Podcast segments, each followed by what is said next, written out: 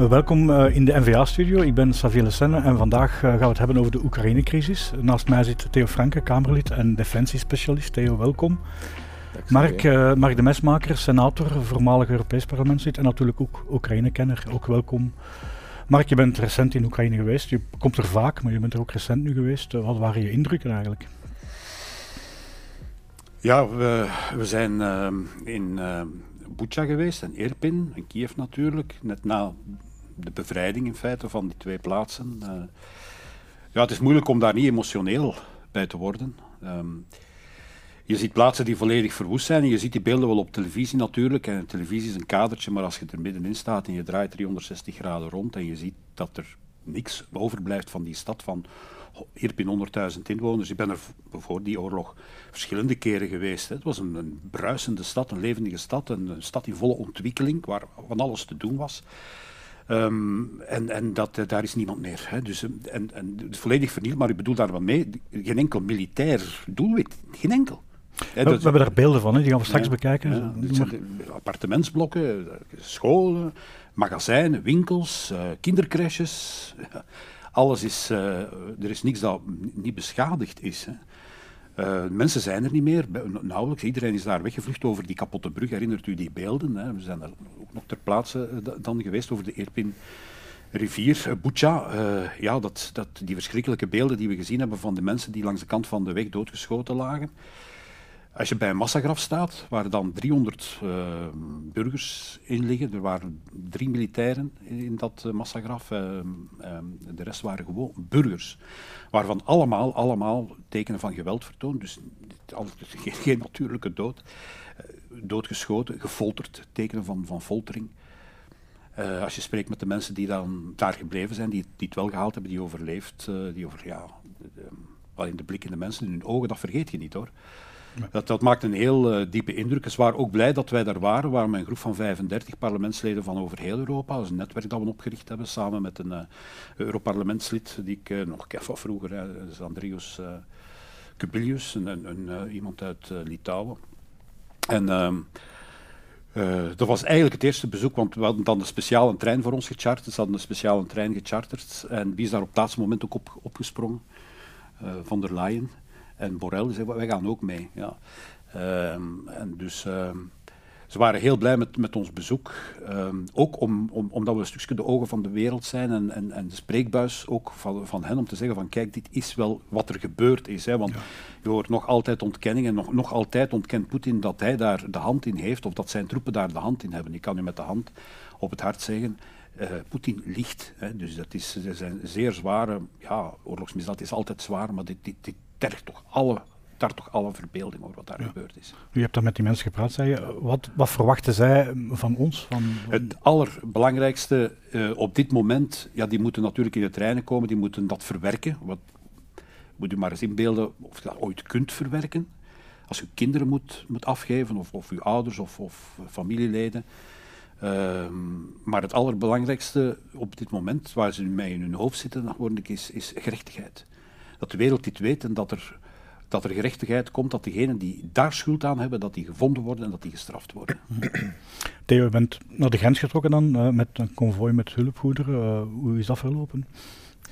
Ja, je wil natuurlijk helpen. Hè. Dus uh, je, komt, je krijgt dat binnen, die, die, die, die, beelden en die oorlog, die oorlogsverklaring, die bombardementen. En dan probeer je humanitaire hulp op, op poten te zetten. vooral medisch. Ik had ook veel contact met eh, de consul eh, van, eh, van Oekraïne hier in België, dus de hoogste in de ambassade, die mij ook direct vroeg van ja, kan je helpen, want ik ken hem eigenlijk al wel best lang. omdat ik vanuit het NAVO-parlement ook in de Oekraïne-groep zat, al een paar jaar. En dus zij zei van, ja, kan je niet helpen? En dan hebben we een humanitair konvooi op de poten gezet. Eerst was dat gewoon heel klein wat medisch materiaal proberen te brengen. En dat is eigenlijk uitgegroeid.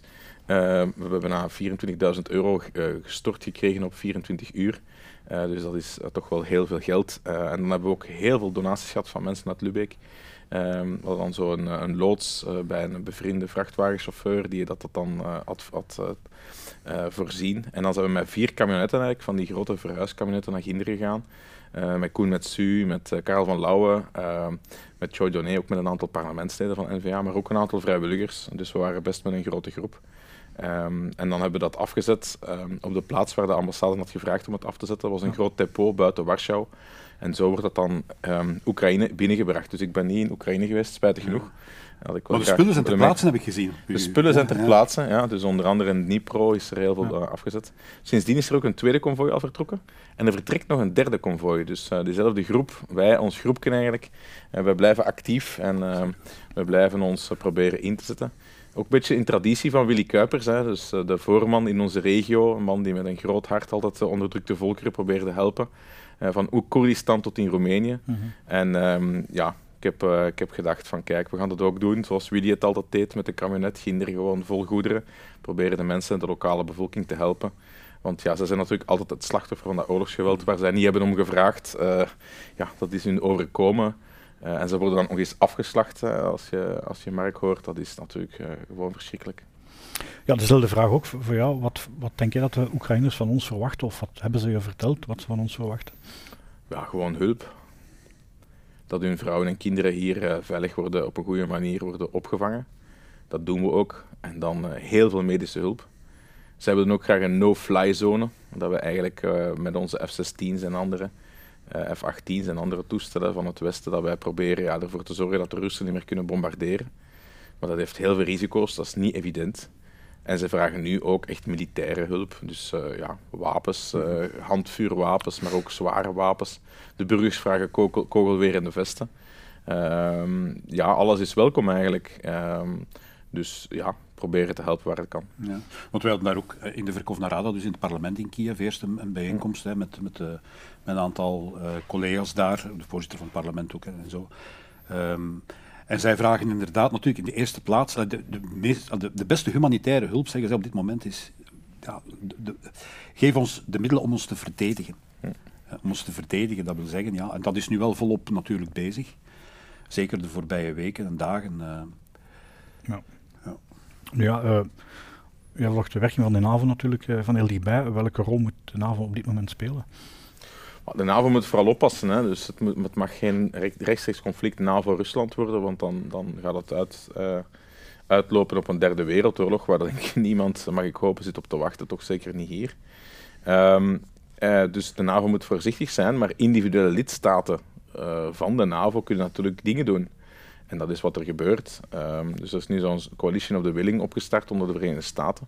Die zijn vorige week voor de eerste keer samengekomen. Um, en uh, ja, in Ramstein in Duitsland. En dus die gaan nu elke week of elke maand samenkomen. En die zijn, uh, ja, die zijn echt wel uh, serieuze steun aan het leveren op alle mogelijke manieren. Dat gaat over steun qua inlichtingen, qua radarwerk, maar natuurlijk ook gewoon militair materieel. Dus dat doen we wel, maar dat is niet namens de NAVO. Daar moeten we heel voorzichtig mee zijn, want dat zouden de Russen kunnen zien als een declaration of the war. of war van, de, van het hele, hele Westen. En dan kunnen zij eigenlijk onmiddellijk uh, ons ook aanvallen. En uh, daar moeten we echt, het is, een, het is een moeilijk balanceren, want wij willen niet escaleren. Maar we willen natuurlijk ook niet dat de Oekraïners uh, gewoon ja, worden overrompeld, dat die een land kwijt zijn, dat die Russen daar alles overheersen. Dus dat is een enorm moeilijke evenwichtsoefening. Wat met de claim van, van de Russen, van Poetin eigenlijk, dat die oorlog nooit was begonnen als de NATO niet oostwaarts was uitgebreid? Ja, dat hoor je nu ook niet meer. Hè? Dus dat is eigenlijk niet echt zijn agenda daar daar gaat het niet over. Wat het wel zo is, is dat natuurlijk Poetin was een KGB-agent in, uh, in Oost-Duitsland. Voordat de, val, de muur gevallen is, is eigenlijk hals over kop moeten vluchten en, en weggaan uit Oost-Duitsland toen de muur viel.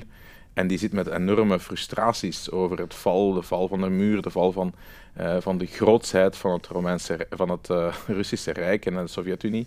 En, en dat wil hij terug herstellen. En dus die frustraties, die, dat klinkt duidelijk door in alles wat hij schrijft en zegt. Mm Al lang. En hij heeft natuurlijk een soort van militaire opbouw. En heeft, heeft ons aan, zijn gasinfuus gelegd, aan zijn energieinfuus. Hij heeft zijn leger gemoderniseerd, heeft zijn wapentuig gemoderniseerd, heeft zijn kernwapenpark helemaal gemoderniseerd. Dus die man is wel degelijk met een visie bezig. Die man is niet gek. Hè? Dus kan, die gek, kan gek vinden wat hij wat doet, maar noem hem niet gek. Want als je iemand gek noemt, dan is hij ook de facto uh, ontoerekeningsvatbaar. En die is niet ontoerekeningsvatbaar, want dan, dan is hij ook off de hoek. Dat pleit hem ook een stuk vrij. Want iemand die gek is, weet niet wat hij doet. Hij weet perfect wat hij doet. Hij is met een heel duidelijke agenda bezig. 2014 binnenval uh, de Krim, 2009, 2008 uh, Georgië en zo verder en zo meer. Die man is met een heel duidelijke agenda bezig.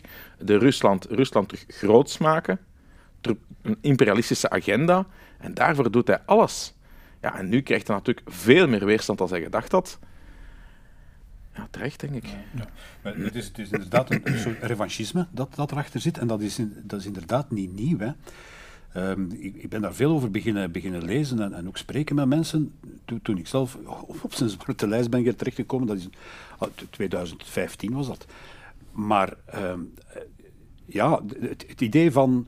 En daar zitten, zitten heel rare elementen in. Hè. Dus dat je Ruski Mir, hè, dus je hoort daar nu regelmatig over.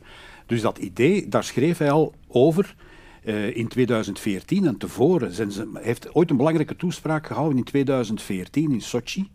Daarna uh, in debatclubs in Moskou en zo heeft hij dat, uh, dat herhaald. Um, waar hij ja, spreekt over het herstel inderdaad van die Ruski Mir. En wat is dat in zijn ogen? Dat zijn alle gebieden waar Russisch sprekenden wonen. Dus niet alleen de etnische Russen, als dat al bestaat, etnische Rus, dus daar spreekt hij, dus etnische Russen, maar ook alle Russisch sprekenden. Al wie ooit Russisch gesproken heeft, al wie ooit behoord heeft tot die, dat Russisch imperium. Maar dat gaat dus uh, wel heel, heel ver natuurlijk. Hè. Het idee van Novorossija, dus het nieuwe Rusland, waar, waar vandaag ook over gesproken wordt, het, het oosten van, van Oekraïne, dat eigenlijk van, van Kharkiv tot, tot en met Odessa en dan de, de, verbinding met Transnistrië. Uh, ook dat, dat, dat, heeft hij meer dan tien jaar geleden al in tal van essays en debatten heeft hij dat uh, openlijk gezegd. Alleen we hebben dat toen niet goed gelezen of niet goed gehoord. Ik, ik, ik heb daar toen ook stukken over geschreven. Een van die stukken schrijf ik van kijk, als, als, als Europa niet wakker wordt, uh, dan zal de schone EU-slaafster uh, in een ongemakkelijke realiteit wakker worden straks. Uh, we zijn 2022 en het is, het is straks. Hè, dus het is. Um, ja, en, en ook de ideeën rond de genetische code van de Russen. Als je dat leest, ja, daar zit het toch wel, hè, want hij, hij verwijt Oekraïne van dat zijn nazi's. Maar denk daar eens goed over na. De genetische code van de Russen, die superieur is aan de andere genetische codes ja, dan, uh, dan moet je natuurlijk wel, wel vragen beginnen stellen over met wat soort ideeën dat die bezig is. En het is hij niet alleen, hè, want uh, we hadden op een bepaald moment, ik denk Pushkov, Push, Pushkov was zijn naam, toenmalig, ik weet niet nu, de voorzitter van de buitenlandcommissie in de Duma. En dat was in 2014 of 15, het was na de, na de annexatie van, van de Krim in ieder geval. En hij werd daar ondervraagd in, in de commissie, in het Europees Parlement was hij daar op bezoek. En hij, die man zei dus uh, op een bepaald moment, toen hij in een hoek werd gedreven, zei van ja, maar Rusland erkent niet meer de internationale orde zoals jullie die hier geschreven, dat wij die hier geschreven hebben. Wij, wij willen nieuwe regels. Dus dat betekent alle conventies, alle afspraken. Weg, weg van tafel, we willen iets nieuws. Dus dat wisten wij toen al, alleen hebben we, dat niet, uh, nee. hebben we daar niet naar gehandeld. Europa heeft zich in slaap laten wiegen. Ja, sowieso. Hè. Moet, moet, uh, moet Europa dan ook de militaire kaart trekken, de defensiekaart, het Europese leger? Of? Ja, ik denk dat een van de belangrijkste lessen die we moeten trekken is dat we na de overwinning en de val van de Berlijnse muur, dat we vatsig zijn geworden, dat we onze dekking hebben laten zakken. En dus je moet terug naar een weerbaarheidsagenda, hè, waarbij je dus effectief ervoor zorgt dat je vlak van voedselzekerheid, energie, onafhankelijkheid, voedselonafhankelijkheid, primale, eh, primaire sector, maar ook alle van strategische sectoren, hè, de, de, de chips, eh, halfgeleiding, eh, noem maar op. Hè. Dus we, we, hebben geen antibiotica meer in Europa. Ja. Het wordt allemaal in China gemaakt. Dus we hebben, er wordt in Europa geen antibiotica meer gemaakt. Kan je dat begrijpen? Als op een bepaald moment China zegt, oké, okay, we antibiotica meer, en ze doen hier een gifgasaanval. Dus en ik wil maar zeggen, dat, dat zijn bepaalde dingen die waar we gewoon ons in een slaap hebben laten te wiegen, naïef zijn geweest. Mm. En we zullen dus terug een soort van veiligheidslogica moeten, moeten creëren en meer investeren in defensie. Onze defensie, je moet eens een, een kazerne binnenwandelen in, in dit land, dat is gewoon aftans, dat is afreus. Dus ja, we hebben niks van capaciteit. We kunnen geen enkel zwaar militair wapen leveren aan Oekraïne. Of we moeten het terugkopen van dingen die we lang geleden hebben verkocht aan privéfirma's die dat dan verder verpatsen aan Indonesië en Marokko. Ja, wij zijn, wij zijn uh, volledig tot op het bot en tot op, het, uh, op de laatste draad uitgekleed. En dus we moeten dat terug, allemaal terug in stelling brengen. Allemaal, dat gaat natuurlijk lang duren, dat gaat veel geld kosten. Dat gaat een inspanning vergen voor onze bevolking, want het gaat ook over een mentaliteitswijziging bij onze, bij onze bevolking, ook bij onze jongeren. Maar ja, dat gaat 10, 20 jaar duren, maar dat gaat er wel komen. Je hebt geen andere keuze meer, denk ik. Hè. We zitten met onze rug, we staan met onze rug tegen de muur. Ja. Mark, als voormalig Europees parlement zit, uh, jouw mening over die, die, uh, die nieuwe rol die Europa moet, moet, uh, moet innemen, ook qua defensie? Ja, Theo is een defensiespecialist, hij heeft het net gezegd, denk ik. Hij heeft het heel goed verwoord. Ik denk ook dat we ook op Europees niveau, daar moeten we meer rond samenwerken, hè, zonder naar een Europees leger of zo, dat, maar, maar, samenwerking, zoals wij trouwens in het Benelux-verband ook, ook, ook doen en daar de voorzet geven van hoe het eigenlijk kan. Ik denk dat, na, naar efficiëntiewinst streven en meer investeren, inderdaad. Um, voor de rest, een beter strategisch kompas hebben. En, en dus, want, want dat is tien, jaar, tien jaar aan een stuk gemist. Uh, we hebben ook een paar beelden gemaakt, of uh, beelden van jou gekregen van toen in, in, in, jouw bezoek. We gaan daar even naar kijken en als je commentaar wil geven op de beelden, zeker. Maar dit is Irpin, hè, dat is een stad van was, 100.000 inwoners. En je ziet dat is een, ja, het zijn allemaal burgerlijke gebouwen, dat zijn appartementsblokken, zo de typische appartementsblokken. Uh, niet te aftansen, want er was eigenlijk het is een stad in volle ontwikkeling. Hè. Er was heel wat handel, uh, heel, wat, uh, heel wat bedrijvigheid. Er werden heel wat congressen georganiseerd, bijvoorbeeld ook hè, in, de, in de rand. Dus eigenlijk de rand van Kiev. doet mij een beetje denken aan mijn eigen stad, Halle. Dus ook een beetje de rand van, van Brussel, de rand van, van Kiev. En daar, dat is dus die fameuze brug, hè, dus waar langs heel wat mensen geëvacueerd zijn. De Oekraïners hebben die opgeblazen. Eigenlijk zijn de, de Russen daar gestopt op hun weg naar Kiev, bedoel ik. Dit is Bucha. Uh, dus achter de kerk hier zijn dus een aantal slachtoffers, een driehonderdtal voorlopig begraven in dus een, ja, een massagraf, maar was op dat moment bezig om ze één voor één terug uh, te ontgraven, om dan te onderzoeken. Hè. Dus te mhm. gaan, uh, ja, echt een lijkschouwing te gaan doen, onderzoek te verrichten, te identificeren. Um, ja, dit is, dit is ook Bucha. Dus het valt ook op bijna geen militaire doelwitten, het zijn allemaal het zijn allemaal, allemaal burgerlijke doelwitten. Dit is op de trein uh, het is een heel lange rit, hè. Dus het, maar het werkt nog. Dus die, die verbinding tussen ja, de grens met Polen, of het is eigenlijk, we zijn vertrokken vanuit het Poolse grensstadje. Uh, naar Lviv en van Lviv. Maar kijk, heel traag rijdt die trein dan gezapig door dat land. En dan besef je, als je daar om 12 uur op zit of zo, hoe groot, onmetelijk dat land ook is. Dus wij horen altijd over die grote steden, hè, over Lviv en Kharkiv en Kiev. Maar daartussen liggen ligt een uitgestrekt land, veel platteland, veel uh, landbouw, met kleine gemeenschappen waar de mensen ook nog aan het werk zijn en, en waar nog bedrijvigheid is in de mate van, van het mogelijke natuurlijk. Het was daar nog op dat moment, ja, het, het seizoen is daar wat achter. De, dit is de aankomst in, in Kiev, uh, in het station van Kiev. Dan uiteindelijk waren we dan, uh, ja, we zijn eigenlijk meteen opgewacht en eerst naar de Rada, dus naar het parlement gebracht. En vandaar ja. zijn we dan uh, rondgebracht naar de verschillende plaatsen die bevrijd zijn geweest. En, uh, ja. hoe, uh, hoe zie jij de oorlog daar eindigen? Dat weet ik niet. Dat weet ik niet. Um, dit is de, dit is de dus een van de, van de zalen in, in het parlement daar, met Stefanchuk, de voorzitter van, van het parlement. Ja. Ja, hoe zien we dat eindigen? Ik weet het niet.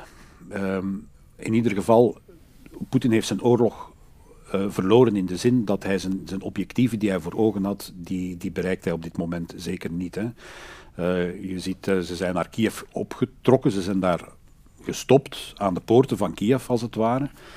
en ze zijn teruggedreven. Dus um, men, heeft, men heeft Oekraïne, zelfs bij ons, hè, heeft, men, heeft men de Oekraïnse weermacht, laat ons zeggen, de, de, de weerstand, heeft men toch wel onderschat. Hè. Dus, uh, en, dat is me toch ook opgevallen in alle gesprekken die je daar dan hebt. Er is geen haar op hun hoofd dat eraan denkt om op te geven. Integendeel, ze zullen vechten voor hun land. Ze zeggen, oké, okay, uh, wij, uh, wij vechten voor, voor, voor, ons, voor ons thuisland. de Russen vechten voor iets wat niet van hen is. Wij vechten voor iets wat van ons is. Ja. En dus het moraal is zeer goed, is zeer hoog. Ze leiden zware verliezen ook, onderschat dat niet.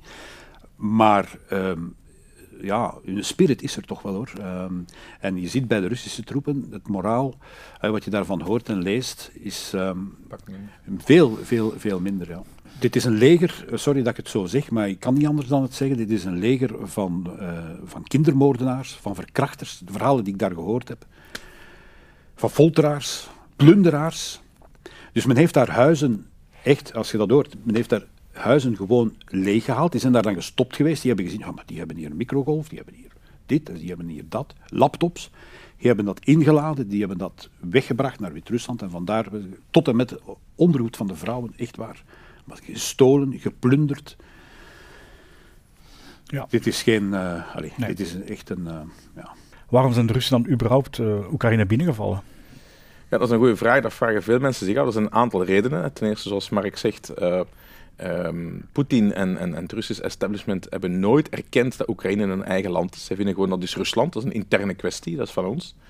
Uh, dan heb je natuurlijk ook de grondstoffen, heel veel uh, aardgas, uh, heb je ook heel veel landbouw en, en, en een grote markt, hè, 44 miljoen inwoners, die dan eigenlijk, ook bij hun interne markt moet komen.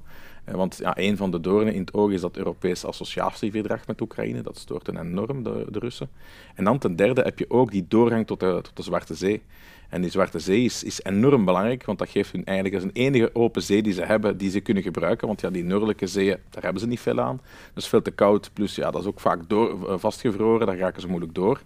Dan heb je ook heel veel concurrentie, hè, de Baltische Zee van de Baltische Staten bijvoorbeeld, Scandinavische landen ook. En dus uh, dan heb je eigenlijk alleen nog uh, ja, die Zwarte Zee, waar de Zwarte Zeevloot zit. En dat is het vlaggenschip van, het, van de Russische marine, zit in de Zwarte Zee. En dus zij moeten die doorgang hebben, net ook om die Zwarte Zeevloot te kunnen garanderen, op vlak van veiligheid, bevoorrading. En dus die Krim is eigenlijk, ja, in heel het verhaal van de Russische militaire strategie is dat een cruciaal punt. Ja, als ik er nog klein politiek uh, toevoeging nog maar gaan doen, want je sprak van het associatieverdrag met Oekraïne. Ik heb heel lang uh, in die associatiecommissie gezeten, waarbij dat we dan die implementatie van dat verdrag probeerden, ja, ook door de, door de collega's van de Verkovnorada te laten stemmen en, en de juiste hervormingen te laten, te laten uh, doorvoeren. En Oekraïne heeft daar op die acht jaar tijd heel wat, heel wat, een heel lange weg afgelegd en heel wat hervormingen doorgevoerd. Rond anticorruptiemaatregelen, rond hervorming, landhervorming, uh, energiehervorming. Zeer ingrijpend geweest. En democratische hervormingen. Uh, kies met hervorming en ga zo maar door. En dat is ook iets wat natuurlijk Poetin steekt.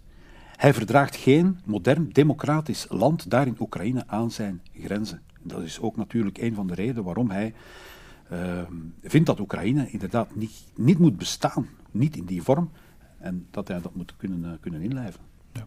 Zelensky is de anti-Poetin. Is jong, optimistisch, opgewekt. Ja. Uh, familieman, uh, comedian, leuke gast. Vlot. Hij is oud, wordt 70. Nors, ambetant.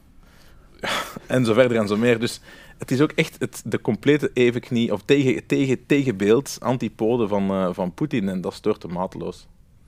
En Zelensky is ook populair in Rusland omwille van al die televisieshows. Alleen nu wel wat minder, maar dat was zeker zo. Ja.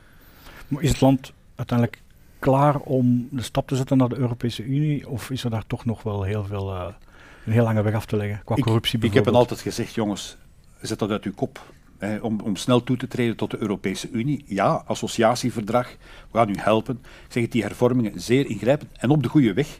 Want dat was ook de Euromaidan-revolutie. Dus ik heb die ook van nabij meegemaakt.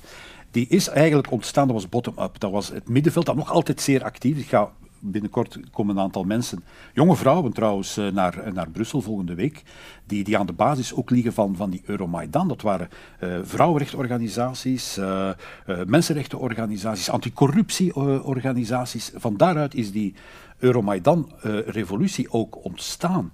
Dus heel die hervorming naar, waarbij men af wilde van de oude, die oude Sovjetgewoonten, die oude Russische gewoonten, van de oligarchieën, en eh, ja, de weg op naar een moderne Europese toekomst. Maar ik heb het ook altijd gezegd, lidmaatschap, ja, werkt eraan, maar dat is iets eventueel voor de lange toekomst. Er zijn, uh, ja, er zijn ook voor ons regels die, die moeten gevolgd worden, er zijn afspraken. Uh, die, uh, ja, er zijn, ja, hoe noem je dat, de, de, de voorwaarden ja, die je moet, moet voldoen, criteria, criteria die, je moet, die je moet voldoen.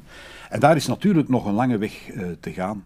En we moeten hen ook geen, uh, allee, de, de, ook geen, geen blaasjes wijs maken. Dat is nog een uh, werk van lange adem. Als je Oekraïne goed kent, de levensstandaard, dan weet je dat die nog een hele lange weg te gaan hebben. Maar de wil is er wel. En dat moeten we respecteren. Ik kan, kan u zeggen, ik ben, toen ik nu opnieuw in Kiev was, nergens voel ik mij zo in Europa als daar. Zelfs ik voel me daar in het hart van Europa. Als je luistert naar de mensen, de, de aspiratie die zij hebben om een modern democratisch land te zijn. Mhm.